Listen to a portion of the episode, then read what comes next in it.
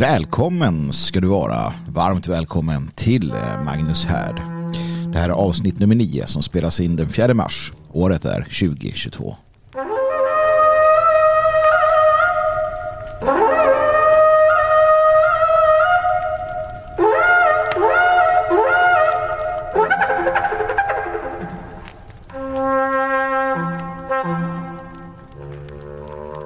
Ja men varmt välkommen då kära kära du som lyssnar.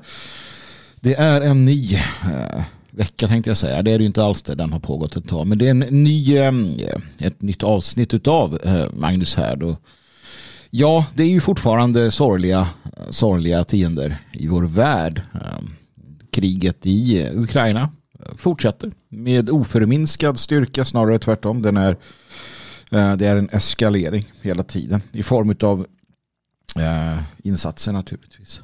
Det blir ju så. Och det värsta är eh, antagligen fortfarande framför oss.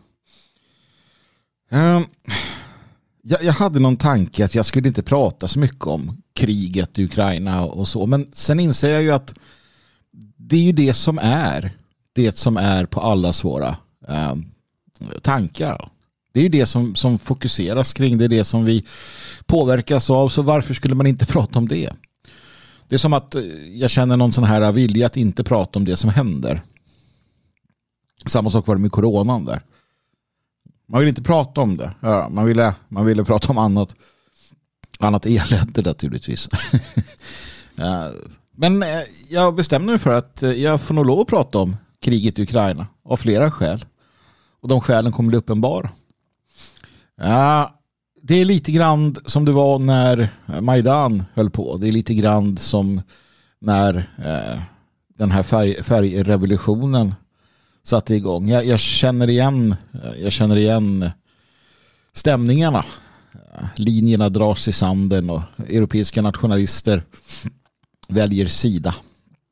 I sig tråkigt eh, kan jag tycka av många skäl där också. Jag är glad över det, det arbete som jag kan till viss del göra tillsammans med Europa Terra Nostra som vi har i det fria Sverige. För att vi vägrar göra det på något sätt. Alltså vi eh, i Europa Terra Nostra så, så, finns det personer som har en olika syn på detta. Um, mer eller mindre för uh, eller emot Ryssland helt enkelt. Men man är överens om vissa grundläggande saker. Och det är de sakerna jag vill ta fasta på idag. Och det är att i ett krig så finns det i det här fallet också då egentligen bara förlorare. Och att det i vart fall är så att kvinnor och barn är förlorare. Naturligtvis också män som, som strider och dör. Men det är någonstans acceptabelt har vi kommit fram till som civilisation eh, genom många, många århundraden för att inte säga årtusenden. Och jag dras till minnet det som uh, Henrik Jonasson, konstnären, har på, påtalat att mannens roll är någonstans att förgås. Eh, mannen är någonstans oviktig i en större kontext. Vi blir det ja, i kraft av, av någonting. Ja. Och det som är kvar det är då barnen ja, och det eviga i kvinnan. Det är en fin syn. En romantisk syn som jag i alla fall vill, vill hålla fast vid. Så det blir Ukraina idag mina vänner. Jag vill börja helt enkelt. Jag har inte förberett mig särskilt mycket. Och det är för att jag har en del att säga tror jag. Jag tror att jag har en del som bara bör få komma fram. Uh, så vi kör. Och jag börjar med att citera Candace Owen um, från USA. Hon uh, är konservativ och, och, gör inlägg i debatten. Hon är också svart. Uh, och det är väl egentligen inte intressant annat än att, eh, än att världen ändå bygger på ras. Um, jag tror mig inte få några speciella eh, godhetspoäng bara för att jag citerar en svart kvinna. det intresserar mig inte nämnvärt. Uh, jag kan tycka det är kul dock uh, att, att påpeka med tanke på att jag vet att det sitter motståndare och lyssnar och de blir alltid lika arga när de inser att deras skeva världsbild inte, inte ens delas av i det här fallet en intelligent svart kvinna från USA. Hon skriver i alla fall angående konflikten Vladimir Putin is not a sympathetic character. Neither is the corrupt Zelensky who allowed his country to be sold. Neither are the Bidens who, among other Western families, purchased it. I feel bad for nobody but the innocent citizens who are suffering beneath, beneath this. Och där har vi det. Det är egentligen den, den bästa äh, tredje, position, tredje positionistiska analys av kriget som jag har. Äh, I det bästa är den inte, men den är i alla fall mest koncis och kortfattad. Det här behovet många verkar ha att ställa sig på endera sidan i en, en stor konflikt. Och det är en stor konflikt, vare sig man vill tro det eller inte. Det är en, en eh, jag ska inte säga civilisatorisk konflikt, men det är ändå en, en, en stor konflikt i det att, att Ryssland utgör ena delen av en, en eh, kultur och civilisationssfär medan väst utgör en annan del. Sen har du öst, du har Kina och liknande, du har också Mellanöstern, du har Afrika och så. Eh, men Ryssland är en egen entitet och har så varit trots närheten till Europa om du tittar på de europeiska delarna. Trots att Europa grundade Ryssland, eh, Sverige för att vara mer exakt. Ja. Det finns väl de som tvistar om detta också säkert, men så är det i alla fall. Um, både Ukraina och sedermera då Ryssland är ju svenska skapelser så vem vet kanske vi ska ställa anspråken istället för Moskva. Hur det är med den saken låter vi vara osagt för tillfället. Eh, konstatera bara det att det är en stor konflikt för att vi är indragna i den allihopa på ett eller annat sätt. Och det här behovet av att, att välja sida i en konflikt som egentligen inte handlar om ras um, tycker jag inte låter sig göras, inte för mig i alla fall. Jag är um, i grund och botten etnonationalist. Um, och som ni vet så handlar nationalism, eller etnonationalism, jag är nationalist, och som ni vet så handlar nationalism om ras. Det handlar om att födas ur, det handlar om de hereditära kvaliteterna. Det är vad ordet betyder. Och nationen har alltid varit en raslig nation. Och eh, de, de, väst, alltså de europeiska ryssarna, slaverna alltså, eh, samma sak ukrainare, finnar, eh, vad ni nu vill, är vita. De tillhör min ras. Vi delar inte folkgruppen. Jag är german, de är slaver. Vi har flera folkgrupper tillhörande vår ras. Men de tillhör rasen. Eh, och jag ser alla konflikter mellan rasfränder som eh, fel. Framförallt i en tid då vi är hotade. Jag, jag vet att eh, Richard Scutari är en, en för mig i alla fall, viktig person. Um, han, så, han förklarar i ett brev till mig att eh, nog kan det vara så, eller om det var en artikel, jag minns inte, nog kan det vara så skrev han att eh, de vita folken kan träffas på eh, den där vallen som jag glömde bort namnet. Vigridsvallen kanske, eller någon sån här vall och slåss med varandra och döda varandra. Vi kan ha europeiska eller vita broderkrig till del utan att det gör någonting menade han. Men det är en värld där vår ras är säker. Idag utgör den vita rasen alltså inte ens 10% 5% kanske av den totala befolkningen på jorden. Och de demografiska siffrorna visar tydligt att vi föder för få barn. Och av den totala procenten av vita människor så är en försvinnande liten del kvinnor i åldern att de kan föda barn eller yngre. Punkt slut. Och i det läget så ska vita återigen slakta varandra på den europeiska kontinenten. Ve den. Fan ta dig som känner att du sympatiserar med endera um, krigshetsare oavsett varifrån de kommer. Du kan inte göra det som vit medveten människa. Och kom inte dragandes med några löjliga geopolitiska diskussioner i sammanhanget. Om Rysslands intressesfär eller vad det kan vara. Det, vi, vi är över det nu. Vi har passerat det. Men låt mig då bara lägga in en brasklapp till dem, då, eller inte en brasklapp, lägga in ett argument, en fundering till alla er som känner att Rysslands invasion av Ukraina ändå är legit för att de behöver en buffertzon. Vi har hört det där. Till leda. Och visst, jag förstår och för, jag förstår och sympatiserar med behovet av en buffertzon.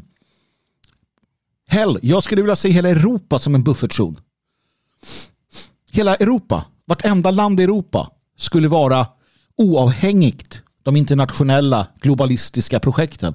Jag vill se ett Europa av fria nationer där man inte är med i, i EU eller NATO. Tro mig. Men att från det fortsätta berättiga detta i krigets skugga blir problematiskt. För hur det än är, hur det än är, så invaderade Ryssland Ukraina. Åtta år efter eh, Majdan och liknande. Människor som var åtta då är 18 idag. De är inte del av en, en, eh, en stor konspiration för att göra Ukraina till EU eller NATO.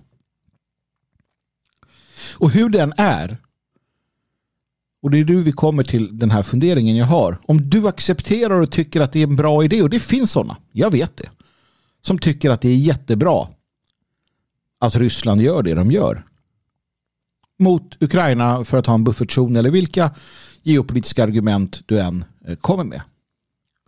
Varför är det fel av Ryssland att göra det mot Finland eller Sverige? Skit i dina känslor. Var nu sådär kallt geopolitisk som du är när det smäller i Ukraina. Var lika kallt geopolitisk och Rysslands äh, apologet som du är. Och svara på frågan. För att nog måste det i logikens namn vara så. Det finns typ två länder till i Europa nära Ryssland som inte är med i NATO. Vi vet att Ryssland gör som de gör mot Ukraina för att Ukraina inte är med i NATO. Vi vet att NATO med största sannolikhet inte kommer att göra ett smack. Och det har man sagt om och om igen. För att det skulle bli en, en direkt konfrontation med Ryssland och därvid laget tredje världskrig med allt elände det skulle föra med sig. Alltså, Ryssland kan inte hitta sina gamla buffertzoner i till exempel baltstaterna. Visst, man kan titta på Transnistrien och de här staterna som någonstans har eh, deklarerat sig självständiga. Men de är i många fall delvis en, en del av det, det ryska uh, liksom imperiet i de, i, åt det hållet. Va? Men, men tittar vi Västeuropa och vi vet att Ryssland har uh, heter det, blickat mot Atlanthamnarna i all tid. De vill inte vara låsta med, med Östersjön som ett alltså att, att ha hamnar i Östersjön by proxy så att säga.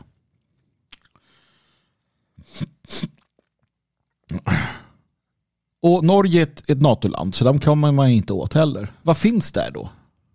Sverige och Finland. Och Gotland. Och Gotland är strategiskt viktigt. Varför inte i sådana fall då besätta Gotland låt oss säga?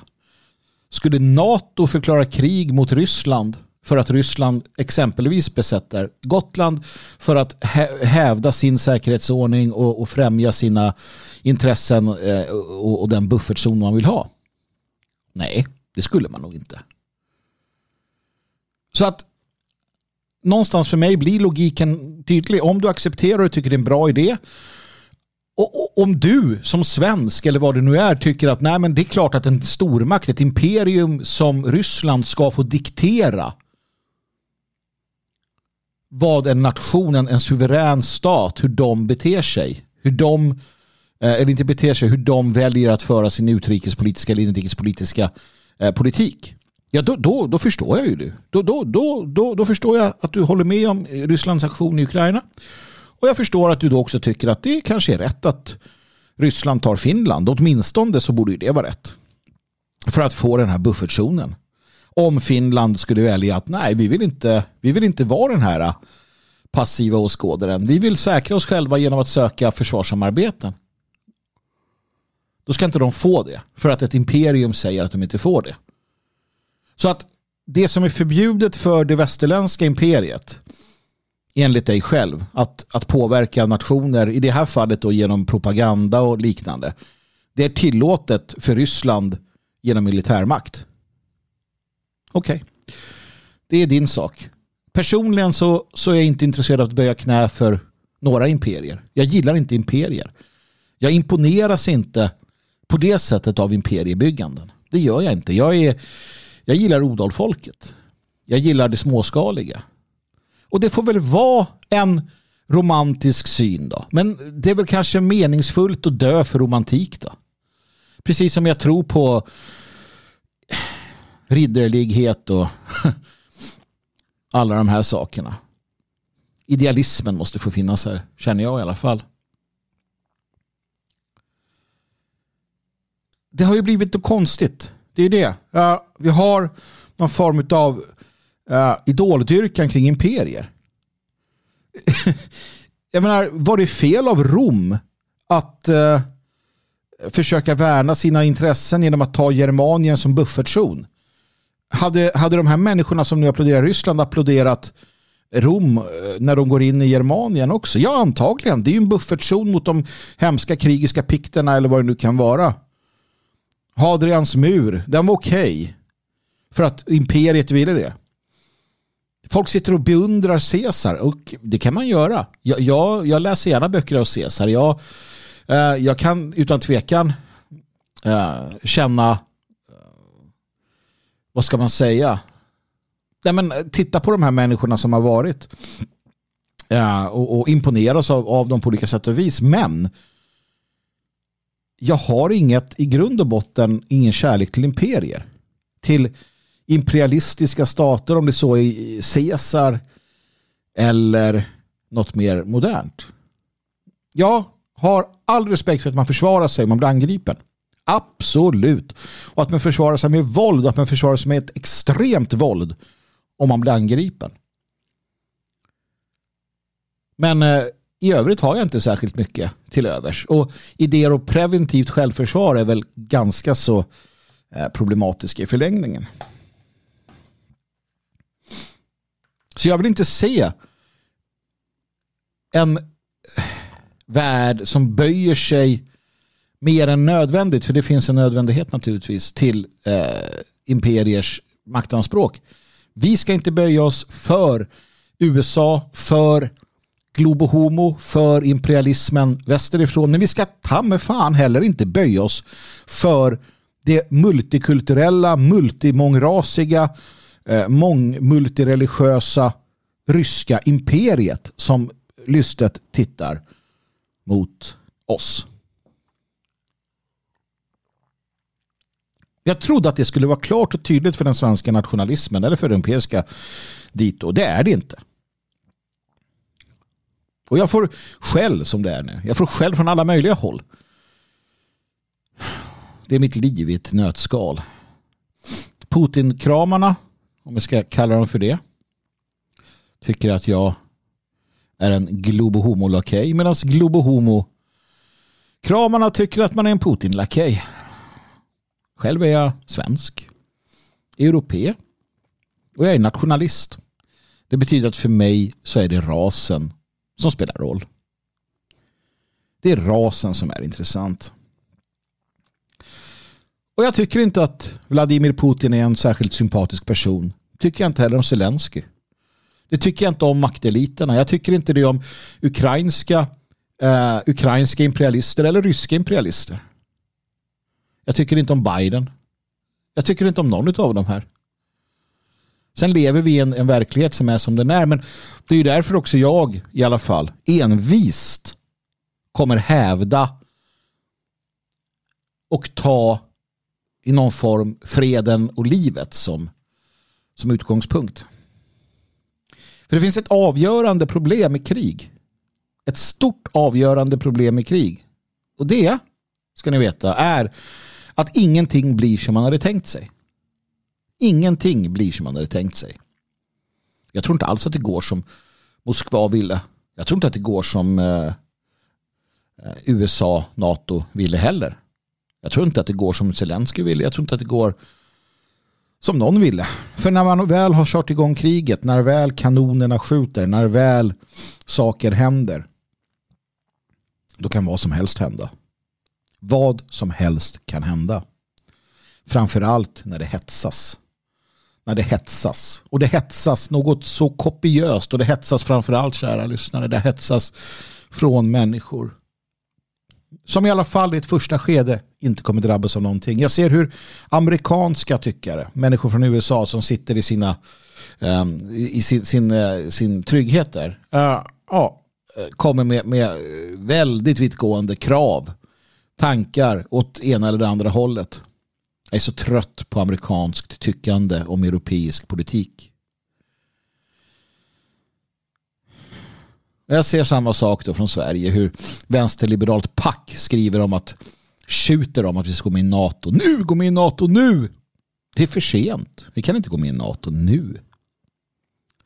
Det borde de ha tänkt på tidigare i sådana fall. Och det tycker de att de gjorde. Att gå med i NATO nu vore ett misstag. Kanske ett misstag att inte gå med i NATO också. Kanske, det, kanske spelar det ingen roll. Det ena är det som händer nu är konsekvensen av politik som har drivits i årtionden. Jag har ett alternativ. Och det är ju ett eh, nordiskt försvarssamarbete. Det skulle vi ha för länge sedan. Sverige, Finland, Danmark, Norge, baltstaterna tillsammans ett eh, försvarssamarbete. Ett eget litet NATO till exempel. Hade kunnat hävda sig bra har inte funnits intresse för det. Alla har ju springit, sprungit globalisternas ärenden. Att tjuta om NATO nu. Sverige är inte förberett. Vad gör vi om, vad, vad händer då? Ska Björn Söder dra på sig uniformen och komma till Sveriges försvar? Ska de andra vänsterliberalerna förstår man inte vilken, vilket, vilken under, alltså hur underbemannade vi är, hur, hur vilken liten spelare Sverige är. Och, och sen är det ju ett problem. Sverige är inte med i NATO. Låt oss säga att Sverige ska gå med i NATO och ansöker om det och direkt blir anfallen av ryssen. Vad gör vi då? då? Tror ni att Biden kommer skicka trupper till Sverige för att försvara oss mot ryssen? Icke så mycket. Då sitter vi som Ukraina. Och det här också som gör mig så arg. Va? Det gör mig så arg på, på Putin och hela eh, den här ryska saken argumenten för att inte gå med i NATO blir ju ganska svåra att upprätthålla när man ser vad som händer med Ukraina. Själv är jag trött på att blanda mig i det här. Jag blir mer och mer trött hela tiden. Jag är rädd för att vi ska till sist gå för långt. Att jag ska själv gå för långt i relationer med människor som jag ibland kanske, eller som jag mer eller mindre tycker om. Eller på andra sätt har relationer med bara för att de gör sina ställningstaganden. Och att jag ska bryta ut i någon harang om vad jag tycker. Jag vill inte se mer konflikter eller mer, mer sorgliga konsekvenser av den här konflikten. Därför vill jag att vi tar ställning för livet. Och för freden. Och jag gör det bland annat tillsammans med de goda personerna i Europa Terra Nostra. Där man har olika inställningar men ändå har valt, valt att, att fokusera på det faktum att, uh, att det finns oskyldiga offer som vi behöver värna och, och vi har precis lanserat en, en insamling till uh, barnsjukhus, barnsjukhuset i Lviv, Lemberg, uh, västra Ukraina. Där kvinnor och barn, många för tidigt födda barn, barn som inte kan fly, barn som inte kan flyttas på, vårdas alltså och som drabbas hårt av krigets eh, eh, problematiken med kriget där man saknar väldigt mycket resurser. Och där har då Europa tillsammans med det fria Sverige bestämt sig för att göra en riktad insats. Vi har kontakter med sjukhus i Tyskland och sjukhuset i Lviv. Och vi är en mellanhand som gör att sjukhuset i Tyskland köper in material, sjukvårdsmaterial, mediciner och liknande som vi kommer transportera medelst lastbil till sjukhuset i Lviv. Det vill säga det finns inga mellanhänder. Det finns ingen byråkrati. Det är en insats, en riktad insats mot just det här sjukhuset så att de ska kunna fortsätta vårda de små barnen, bebisarna som inte kan välja själva. Det är en eh, liten, liten, liten droppe i ett stort hav utav elände. Men det känns viktigt att kunna vara en del av detta. Gå in på detfriasverige.se du också och hjälp till. I ett första skede vill vi ha in 10 000 euro ehm, och hoppas kunna fortsätta därefter. det finns positiva, glädjande scener som också utspelas i detta krig. Men det är här vi kommer in. Och det är här vi kommer in som en fredsrörelse. Det var Erik Hägglund, tidigare ledare för nationell nordisk ungdom, många, många år sedan. Han, han var aktiv. Um, som, som sa till mig vid tillfället när vi träffades att, att nationalisterna borde börja fokusera på att vara en fredsrörelse. Jag tog det där till mig. Jag har suttit och grunnat på det här i många år och jag känner att det, det är väl mer aktuellt nu än någonsin att just vara den fredsrörelsen. Att, att, att argumentera för detta istället för att välja sida i en konflikt som denna så väljer vi fredens sida. Vi väljer att vara en röst för fred. Det vill säga att vi inte är anhängare av vare sig Globo Homo, eh, Zelenskis utförsäljning av Ukraina, ja, eller för den delen Rysslands eh, aggressiva eh, beteenden. Imperier mot imperier. Utan att vi eh, står upp för freden. Och en del av det är naturligtvis att i det här fallet att hjälpa de här, det här, ryska, det här eh, ukrainska sjukhuset att hjälpa uh, flyktingar. Men, men en viktig sak är att stå emot hat och hets mot det ryska folket som vi ser komma nu. Det är så småsint och så obehagligt att se. Jag läste om en, eh, en rysk restaurang, en, en kvinna i Stockholm som har en restaurang, hon lagar rysk mat som får ta emot hot. Uh, vad är det för små människor som gör detta? Ryssar, det ryska folket, inte fienden till det svenska folket. Icke sa Nicke. Det är inte fienden till det europeiska folket. Icke sa Nicke. Lika lite som amerikanare är det. eller australiensare eller vad ni vill. Hade jag bott i Stockholm hade jag gått och ätit på den här restaurangen idag. Och uttryckt mitt, min sympati för henne och och förklarat att det ryska folket inte är en fiende.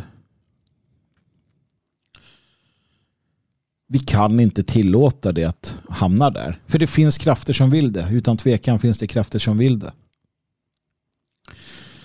Och här gör det mig glad när jag ser människor. För det finns sådana som är anhängare fullt ut utav Ukraina och, och den ukrainska regimen och hela, hela konkarongen någonstans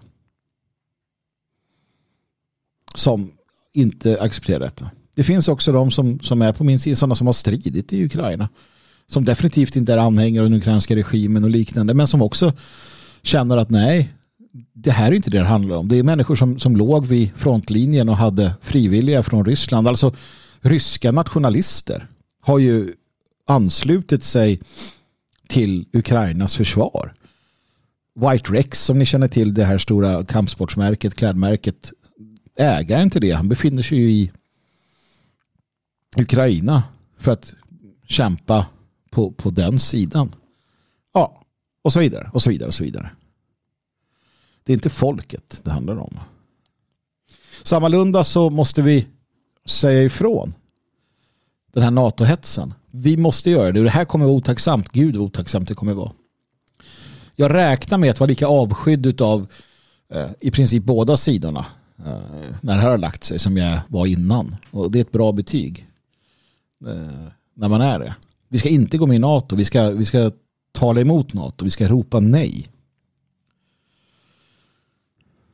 Vi kan presentera en annan ordning. Vi kan presentera en, en europeisk säkerhets, eh, gemensam säkerhetspolitik av fria nationer eller en nordisk sån. Jag är för en nordisk. Jeff Ahl har skrivit en del om det. Ja. Jag håller med. Jag har skrivit en bok om det. Bland annat delar av en bok till Vän för Norden där jag tar upp detta. Jag menar också att vi inte ska engagera oss i det här kriget på annat sätt än humanitärt. Jag tycker inte vi ska skicka eh, vapen eller krigsmateriel. Och det, det, är egentligen bara en taktisk det är bara en taktisk, taktisk idé. Jag, jag har i princip inga, fe, inga problem med att skicka vapen till ett stridande land om, om, om vi anser att deras sak är rättfärdig. Det har jag inte. Så det är inte det. Utan det är rent taktiskt. Att det här skapar en otrygghet och ett problem som vi inte kan hantera. Och återigen när jag ser alla som, som bröstar upp sig och bara men låt ryssen komma då. Förstår inte det faktum att om ryssen kommer så står vi själva. Vi står själva. Um, så varför varför, alltså NATO-länderna kan stå och peta och reta den ryska björnen om vi säger så. Tänk dig på en djurpark. Det står folk och, och, och, petar på, på den här björnen som ligger och den blir bara mer och mer sur.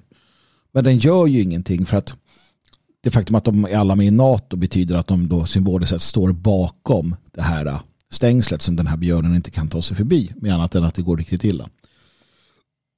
Sen står det några gökar på andra sidan stängslet och petar på björnen. Och det är vi. Det är Sverige.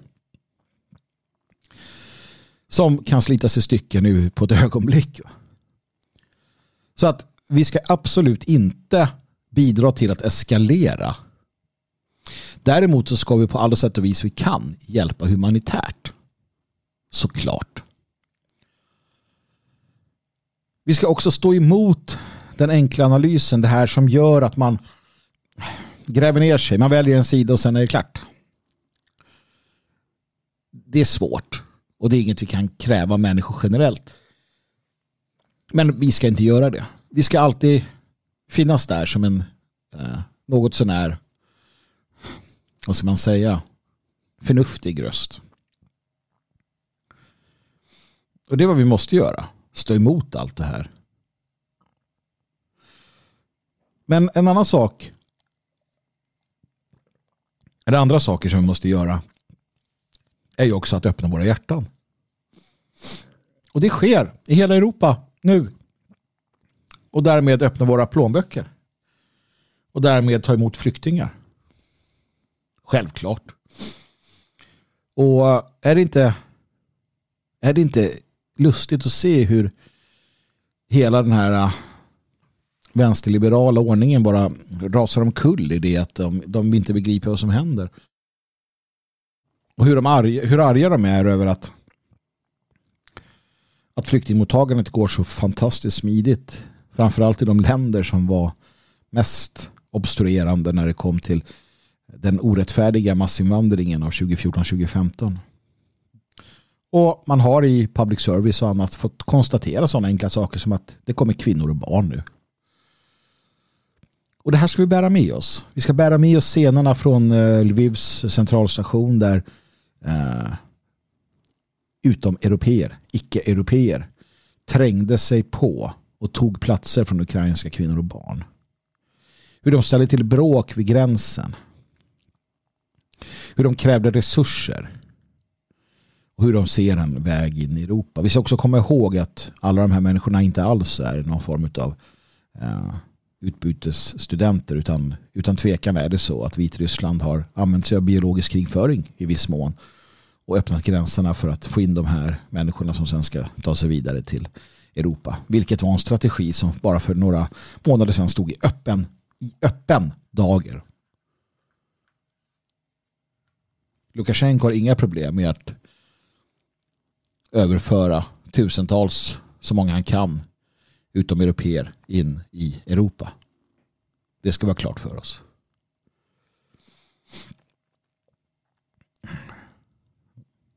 Det, det var ju uppenbart, eller är ju uppenbart så, att eh, europeer har stora hjärtan.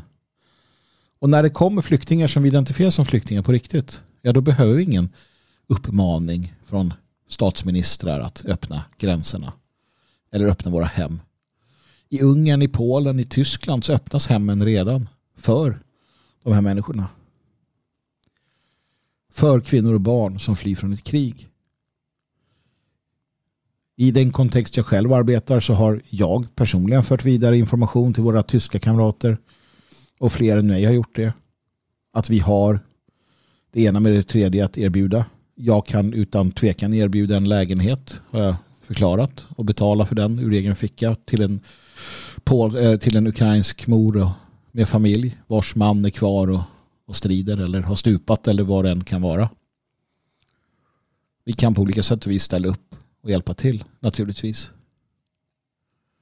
Och det är viktigt. Och det är viktigt. Och det hade jag gjort alldeles oavsett från vilket land människorna kommer. En eh, naturkatastrof i Ryssland skulle utan tvekan, utan att blunda, ta emot ryska flyktingar, kvinnor och barn. Det, det är så det fungerar. Och vi ska mana till fred, som jag sa. Och stå fasta mot globalisterna och krigshetsarna, som jag sa. Det är naturligtvis livs, livsviktigt att, att, att göra det. Sen måste vi, och det här blir en, en roll för mig naturligtvis och för oss på Radio Svegot, att, att hålla ögonen på vad makthavarna gör nu. Vad de pysslar med i krigets skugga. Jag kommer inte som sagt ta upp så mycket mer i det här programmet men framledes så, så måste vi fortsätta belysa detta. Vi såg hur tusentals afrikanska till exempel så kallade flyktingar försöker ta sig över gränsen mot Spanien ja, i de nordafrikanska enklaverna som finns där till exempel. Vi, vi ser hur, hur corona vansinnet delvis fortsätter i, i, vissa länder. Vi vet att man vill ändra grundlagen i Sverige för att kunna ägna sig åt tvångsvaccinering. Vi har sett hur eh, politikerna i Dalarna fick igenom det faktum att de kunde kräva tvångsvaccinering av anställda. Och så vidare och så vidare. Energipolitiken, eh, allting nu som, som, som kommer döljas i eh, oron och rädslan för kriget i Ukraina. Där måste vi finnas med, där måste vi säga ifrån. Dieseln upp på 24 kronor eller någonting. Elpriserna fortsätter att stiga. Vi, kommer, vi har fortsatt problem med eh, matpriserna och liknande. Alltså, vi ska vara glada över att det är en vår som kommer nu. Hade det här som vi, vi ska genomlida nu hänt i eh, september, oktober då hade vi varit då hade vi behövt vara oroliga på riktigt. Framförallt alla som inte har möjlighet till, uppvärmning utan el. Det finns stora problem och här är det viktigare än någonsin att vi också håller koll såklart. Jag vill också uppmana er att eh, delvis koppla ner. Koppla ur och koppla ner. Propagandan är total. Desinformation blandas med information och propaganda från eh, olika håll. Den ukrainska propagandaapparaten går på högvarv, så också den ryska. Så också den västeuropeiska NATO, Sverige, vad du vill. Allt går på högvarv. Tro inte på något. Det är egentligen det man kan säga. Tro inte på något. Och är du inte direkt inblandad att du har människor där så begränsa ditt nyhetsintag helt enkelt. Du vet ändå inte. Du kan uppdatera dina sociala medier tusen gånger. Du vet fortfarande inte vad som händer. Och det hjälper inte. För att om du inte kan påverka något så finns det ingen anledning att oroa dig för det.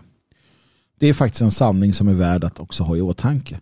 Om du inte kan påverka något så behöver du inte oroa dig för det. Oroa dig inte för ett kärnvapenkrig. Du kan inte påverka det. Med mindre än att du kan säga ifrån. Du kan säga nej till krig. Du kan säga nej till aggression. Du kan säga nej till att ge stater eh, moralisk rätt att eh, gå in i andra stater för att säga att eh, ni får inte tycka eller tänka eller göra si eller så. På samma sätt som vi stod emot de amerikanska interventionerna eller angreppen mot olika länder i Mellanöstern för ekonomiska skäl så gör vi det i det här fallet. Men utöver det så kan du faktiskt inte påverka. Och då behöver du inte oroa dig. Det finns ingen mening med det. Du kan förbereda dig. Men det är du väl redan? Förberedd alltså. Du är väl alltid förberedd på det värsta. Och du hoppas väl alltid på det bästa. Det är ju en grundläggande, eh, grundläggande sak. Så att det förutsätter jag någonstans. Speciellt om du har lyssnat på oss under alla år. Så har du din, din du, du är eh, förberedd. Du har det du behöver. Åtminstone uppfyller du det som MSB säger. En vecka ska du klara det på egen hand vi tycker nog att det kan vara bra att du gör fler, fler förberedelser än så. Framför allt att du återigen kommer samman med människor du kan lita på, söka tröst hos och samarbeta med. Vad som händer i framtiden vet vi inte. Men oroa dig inte. Oroa dig inte. Förbered dig. Och sist men inte minst, be till Gud. Blota till gudarna. Vänd dig till den gudomlighet, den högre makt som, som är din. Som du har valt. Som du har tagit till dig, som du har öppnat ditt hjärta och din själ för. Och be denna om eh, stöd och hjälp och fred. Det betyder mer än man tror, tror jag. Att människor håller ett positivt sinnelag och gemensamt ber. Att vi faktiskt agerar också på det planet. Kanske är svårt för den materialistiska människan att, att ta det till sig men jag tror att det påverkar. Jag tror att det kollektiva omedvetna, det kollektiva medvetna, det, de delar av det mänskliga psyket som, som vi kanske inte är helt införstådda med dess funktion påverkas utav att människor tänker positiva tankar, att vi ber, att vi, att vi blotar, att vi, att vi kliver in i det magiska. Att vi gör saker för fred och för frihet. För livet. Mot döden, mot det destruktiva, mot det svarta. Och det är där vi står. Som nationalister. Vi står på fredens sida. Vi står på livets sida, på barnens sida. Vi står på rätt sida. Vi står på vårt folks sida. På vår ras sida. Det är det som är det centrala, det är det som är det viktiga, det är det som, som ska eh, som alltid ska så att säga vara vår riktstjärna, vår kompassriktning. Så låt oss fortsätta med det och låt oss ta nya tag för att göra detta. Hjälp de som behöver hjälpas. Säg det som behöver sägas och stå på rätt sida i historien.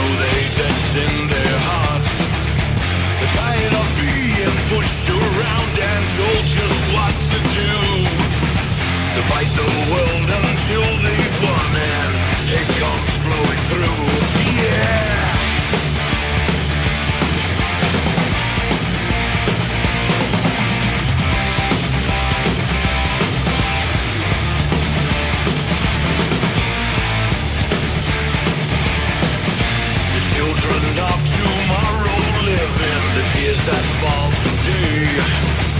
Will the sunrise of tomorrow bring them peace in any way? Must the world live in the shadow?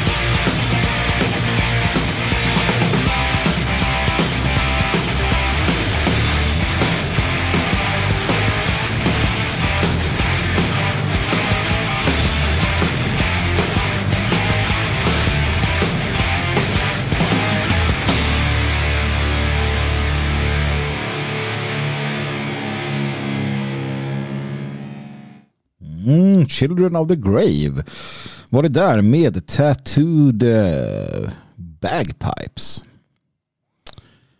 Läsa frågor tänker jag är eh, trevligt. Och jag har några kvar och kommit in någon ny. Så jag tänkte att det är, är egentligen en fråga och eh, svar på frågor som jag fick från en lyssnare. Um, så jag tänker att jag ska ägna tid åt detta eh, innan vi packar ihop för veckan tänkte jag säga. Men innan vi tar helg i alla fall. och eh, först och främst så återigen tack till er som har skickat in. Och hoppas ni fortsätter med detta. Ja, gärna om annat än kriget i Ukraina för den delen. Och nej, jag tänker inte gå i, i debatt eller diskussion angående de här geopolitiska sakerna. Så det är ingen idé. Du behöver inte skicka arga mejl och berätta vad du tycker. Jag eh, är inte särskilt intresserad av det faktiskt. Så att eh, det kan vi låta vara som det är med den saken. Så, så fokuserar vi så att säga på freden. Vi fokuserar på att hjälpa. Vi fokuserar på att återigen bygga en, en, en framtid. Som nationalister vill vi vårt folks väl. Det betyder att vi inte vill ha krig. Svårare så är det faktiskt inte. Som liberaler eller kommunister eller vad man nu är så vill man inte väl. Då är man ganska otrevlig som människa. Uh, och då bryr man sig inte om att använda folket som brickor i spel. Så där skiljer vi oss åt ganska kraftigt. Nåväl. Halloj, bäste Magnus. Hörde ditt förra avsnitt där du fick frågor från Emma som undrade om kvinnogrupper. Ja, det finns det. Jag har skapat två stycken Eh, telegramgrupper för kvinnor i föreningen Fria kvinnor och DFS mammor och blivande mammor. Vill man gå med i de här grupperna så loggar man in på sin sida på friasvenskar.se och går in på fliken grupper. Där ligger Fria kvinnor och länkar till de båda grupperna. Där finns likasinnade damer där man kan diskutera allt mellan himmel och jord. Få eh, eller eh, ge råd och tips, skapa nya kontakter, diskutera med mera. Och som sagt, då, Damernas dag anordnas varje år i Svenskarnas hus där eh, jag även i år kommer att engagera en träff, eh, självklart. Och där har man då chansen att träffas i verkligheten och knyta kontakter. Ja, har man andra frågor och funderingar får man självklart mejla mig på ida snabela detfriasverige.se Alltså ida snabela detfriasverige.se eh, Gör det, precis. Eh, och jag kan gå i god för Ida. Eh, så att absolut hör av er till henne. Emma är välkommen naturligtvis att skriva både till Ida eller att engagera sig om hon vill då som, som medlem måste man ju vara för att ta få tillgång till detta såklart. Så det är ett första steg, det är alltid att, att bli medlem i föreningen såklart. Och det, det säger sig självt. Va? Eh, och lite på samma ämne så kommer då nästa eh, brev som är eh, snarare då, eller som är en, en fråga. Och det lyder, jag läser, hej bäste Magnus. Jag är en av dina läsare och lyssnare och skulle vilja be dig om ett råd. Och frågan är då, eller eh, hon, hon vill då att jag ska lyfta det här problemet och resonera kring det i, i podden, vilket jag ska göra. Hon skriver så här. Eh, jag är en nationell kvinna i 40-årsåldern, bor i en storstad, ser bra ut, har ett jobb som ger eh, ekonomisk frihet, stark, driven, kreativ, och omtänksam. Tränar flera dagar i veckan, är rolig, allmänt beläst och har ett hyfsat rörligt intellekt. Jag skulle verkligen vilja träffa någon eh, och bli kär i, men jag gör inte det. För mig är det helt otänkbart att dejta inleda en relation med någon som inte delar mina nationalistiska värderingar. Men jag har väldigt svårt att hitta någon sån.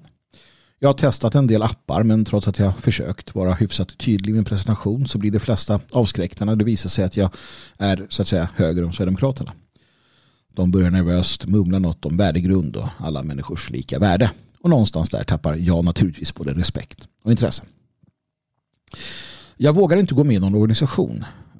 Till exempel er efter flera tidigare hot från AFA. AFA. Jag minns när AFA hackade en webbhandel och eh, skickade ut hotfulla mejl till människor som hade handlat från den och så vidare. Som ensamboende kvinna är det otroligt otäckt. Därför är jag aldrig heller närvarande i några nationella sammanhang utan bara med vissa enskilda vänner som delar mina värderingar. Har dock besökt Svenskarnas hus. Men det var ju inte direkt någon eh, matchningsfest där utan bara en helt vanlig lördag med sedvanlig bokförsäljning. Dock otroligt härligt att vara där. Vilken lycka att äntligen se det i verkligheten. Så hur ska jag göra? Jag kan inte anmäla mig till era sammankomster eftersom jag inte vågar vara med i något register. Det kryllar inte direkt av intellektuella nationalister i lämplig ålder på Tinder På gymmet är det i princip bara så kallade berikare. På jobbet kan jag definitivt inte träffa någon heller. Det är så ensamt. Ensamt att inte känna andra som delar mina värderingar. Ensamt att inte hitta någon att dela livet med. Även om jag inte vill ha fler barn så längtar man ju efter gemenskap med en annan vuxen människa. Någon att utvecklas med, utmanas av. Någon att planera sin semester med, grilla med en lördagkväll på sommaren eller bara kolla på nyheterna med och irritera sig ihop med. Snälla hjälp mig, jag kan ju inte vara ensam med detta problem. Finns det någonstans man kan vända sig? Någon kod man kan använda? Något sätt att bli medlem utan risk för konsekvenser? Kanske känner du till och till och med eh, någon man i motsvarande situation. Ja, eh, hej kära, kära brevskrivare. Ja, det kanske jag gör. Eh, det är inte helt eh, osannolikt att jag gör det. Uh, för att återkomma i ärendet. Men till brevet. Nej, du är definitivt inte ensam. Ehm, det, det, kan jag, det kan jag vittna om. Det kan jag gå i god för. Snarare är det precis tvärtom. Du är allt annat än ensam. Och det är samma som att vara nationalist och engagerad. Man känner sig väldigt ensam. Sen inser man förhoppningsvis efterhand att man inte är det. Jag, jag har ett, eh, två exempel. Det ena var när jag var i Svenskarnas hus. Jag minns det här så, så, så väldigt tydligt en gång. Vi hade ett evenemang. Jag står och pratar med någon så hör jag någon som utbrister bakom mig. Men är du här? Ja. Och så vänder jag mig och så ser jag en kvinna som, som liksom står så här, ni vet sådär lite förvånad. Ah, ah, är du här? Ja, och, och vänder sig mot en man som står där. Och han, han svarar, vad är du här? Ja. Och, så, och så nosar jag lite uh, i, den här, i det här ärendet vartefter. Och, och det framgår att de här personerna arbetar på samma arbetsplats. Um, ingen av dem kände till varandras eh, engagemang eller politiska åskådning. är det inte fantastiskt? Vi går som katten kring het gröt och det är förståeligt. Så det är inget, inget, ingen skugga över någon i detta fall. Men uh, det var en förlösande, förlösande situation. Och jag blev själaglad. Och eh, tänk vilken, vilken fin möjlighet för de här människorna att stå ut med sitt jobb i framtiden. De kan blinka till varandra och, och ja, veta att de delar vissa saker. Samma sak så hade vi eh, inringare, det var på motgifttiden, inringare, jag minns hur de ringde. Ehm, jag vet inte hur vi kom till att inse detta, men det visade sig till sist att de här det var två personer som bodde, bodde ett hus ifrån varandra på en gata. Och båda var engagerade och människor som vi i princip då kände till eller visste om och kunde gå i god för. Fantastiskt va? Det är ju början på någonting stort när man inser att, att det är så här. Och det är inte helt ovanligt. Vi är fler än vi, vi någonstans tror. Uh, och systemet gör allt de kan för att, att få oss att tro att vi är få och att vi är uh, utspridda överallt och att vi inte är särskilt omtyckta. Uh, absolut, vi, vi utgör inte majoriteten i Sverige. Men, men nog är det så att vi finns, som, som någon sa, så att säga överallt. Det kan vara din granne. Det kan vara han som kör dig till jobbet i taxin. Vi finns överallt. Oh, tack så mycket Magnus. Ja, visst, visst är det så. ja, men ditt problem, det är ju ett problem som är ganska, jag ska inte säga evigt, men det är ingenting som är nytt i, i vår opposition. Uh, och uh, framförallt så brukar det vara männen som uh, som har svårigheterna eftersom att det under många, många, långa, långa år har snarare varit en korvfest varje gång vi har gjort någonting. Andelen kvinnor som har attraherats av den, den, den liksom nationella rörelsens budskap har varit ytterst, ytterst begränsat. Och det här har ju naturligtvis luckrats upp på senare tid i och med att nationalismen har skärpt till sig, blivit eh, smartare, snyggare och att eh, flera av oss har liksom växt upp och, och kunnat, kunnat komma till sans med vad vi egentligen håller på med.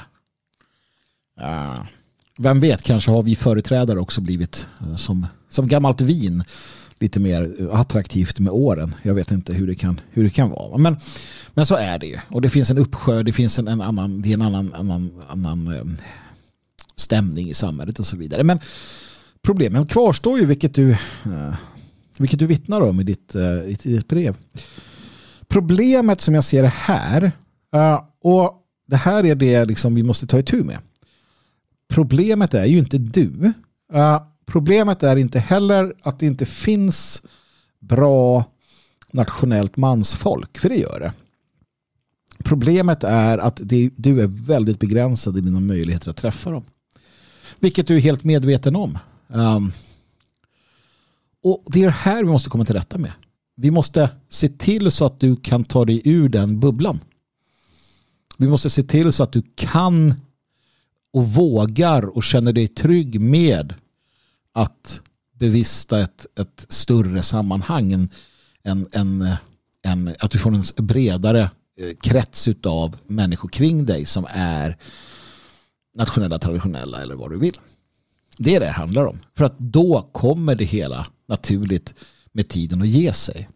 För att som sagt, bra karar finns det, eh, finns det ingen, ingen direkt brist på i detta. Eh, och, och det, du, du har ju mycket som talar för dig eh, naturligtvis. Det, det, det, framgår ju ganska tydligt i ditt, i ditt mail här.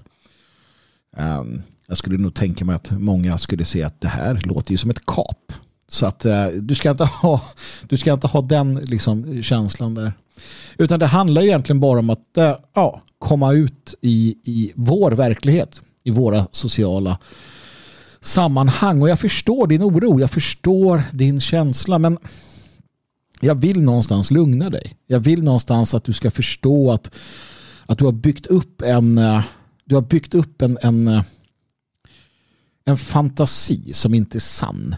En, en rädsla som inte är på riktigt. Du oroar dig för något som, som, som så att säga är väldigt osannolikt att det händer. Och naturligtvis som du påpekar där, det sker ibland att eh, våra motståndare ger sig på människor. Ehm, som du skrev, eh, mejlhot och sånt där som har kommit efter den typen av avslöjanden som var. Men det är ingenting du behöver bry dig om. Va?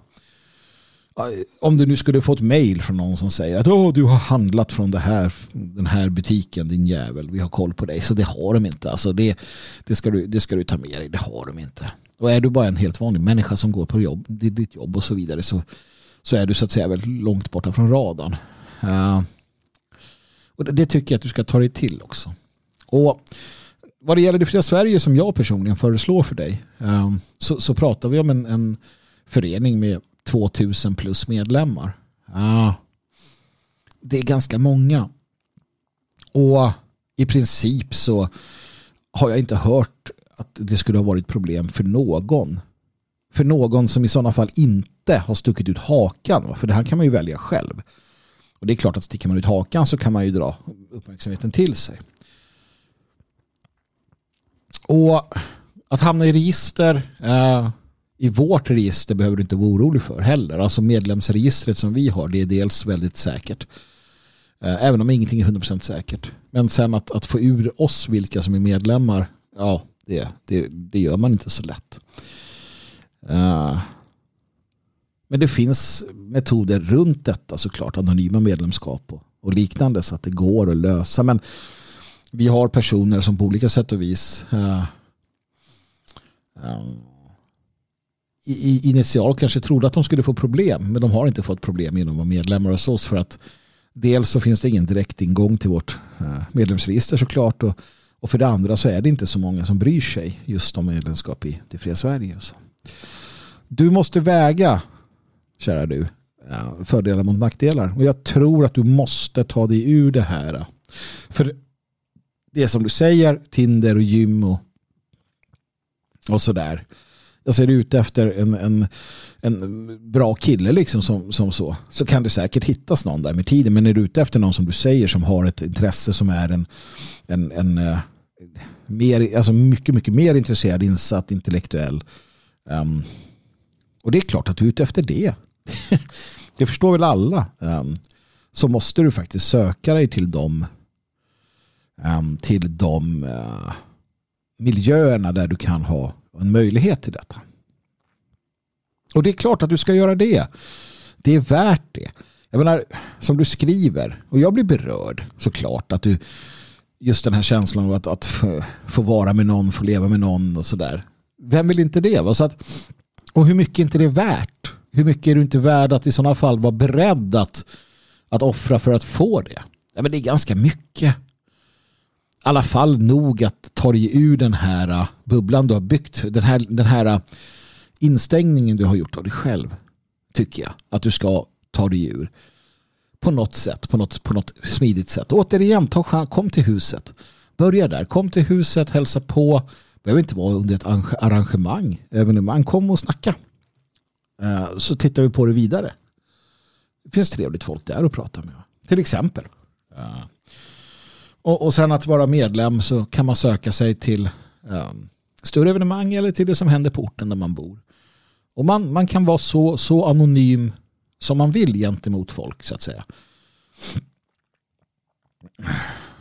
Jag tycker att du ska göra det. Det är värt det.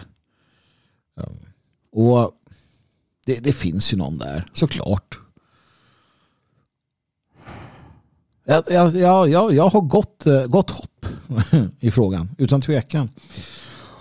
Och jag kan ju bara säga det att om det, om det jag ska inte vara matchmaker liksom. Men, men frågan ställdes ju kanske känner jag någon mm, i motsvarande situation. Ehm, och, och som, som sagt, eh, är det någon som någon som känner sig i motsvarande situation, någon som tycker att det här är ju faktiskt något jag har gått och väntat på och få höra så kan du ju, kan du ju höra av mig. Uh, och så kan jag i sådana fall i nästa avsnitt uh, berätta här i sändning då att jag har fått ett mejl och sen är det upp till uh, fröken i fråga om hon vill vill ha mejluppgifter eller läsa det eller vad du kan tänka. Så som sagt, jag är ingen matchmaker. Det här är ingenting jag kommer göra som en jag kommer inte göra en professionell karriär utav det men absolut så kan man väl hjälpa till lite grann. Det tycker jag är rätt att göra. Så att, nej men gör som så. Um, fundera lite på att ta dig ur den där bubblan. Eh, hör av dig igen. Vi kan, eh, jag kan hjälpa till privat också såklart om det skulle vara så. Det är bara mejla. Du har, du har mejlet. Du har min mejladress. Ja, eller kom ner till huset. Ja. Nu är ju våren här snart så att eh, det finns ju tillfällen till att eh, ut och, eh, tillfällen att, att ge sig ut och röra på sig lite grann helt enkelt. Ja. Och eh, du är inte ensam, vare sig den här situationen Eh, eller, eller i liksom, dina tankar. Ni är många och jag hoppas att alla som känner så här liksom, kan, kan träffas för då hade vi kunnat få, uh, få lite ordning på det hela. Så är det med det. Uh, Skriv du också då om du vill naturligtvis till magnushärd.protonmail.com Magnus H-A-E-R-D protonmail.com jag svarar på alla frågor mellan himmel och jord. Och förhoppningsvis så får du lite klokskap på köpet. Sist men inte minst tack till Roger Fredrik och Simon som har donerat till härden. Och det kan du också göra kära lyssnare. Swisha till 123 510 5762 och märk det hela med härden så att vi vet att det är det här eh, initiativet som du uppskattar. Med det sagt så tackar jag för mig. Jag önskar er en fantastisk helg, en fantastisk nästa vecka. Vi hörs igen. Radio Svegot sänder ju måndagar och torsdagar händer det saker. Ja. Och vi har lite allt möjligt som dyker upp här då och då. Gå in på detfriasverige.se bli en del av den här svenska folkrörelsen. Radiosvegot.se naturligtvis där du får eh, de bästa, roligaste och intressantaste kommentarerna, analyserna och underhållningen. Så enkelt är det. Musiken, den, eh, den presenteras i samarbete med midgardshop.com och de bästa böckerna köper du på Logik förlag. Logik förlag och du går in på www.logik.se logik.se. Där finns det böcker av mig också. Magnus Söderman heter jag. Tack så mycket för att du finns. Ha det bäst.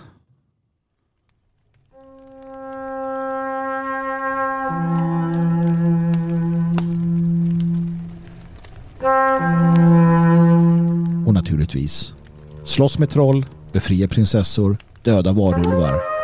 Det är att leva. Ge aldrig upp.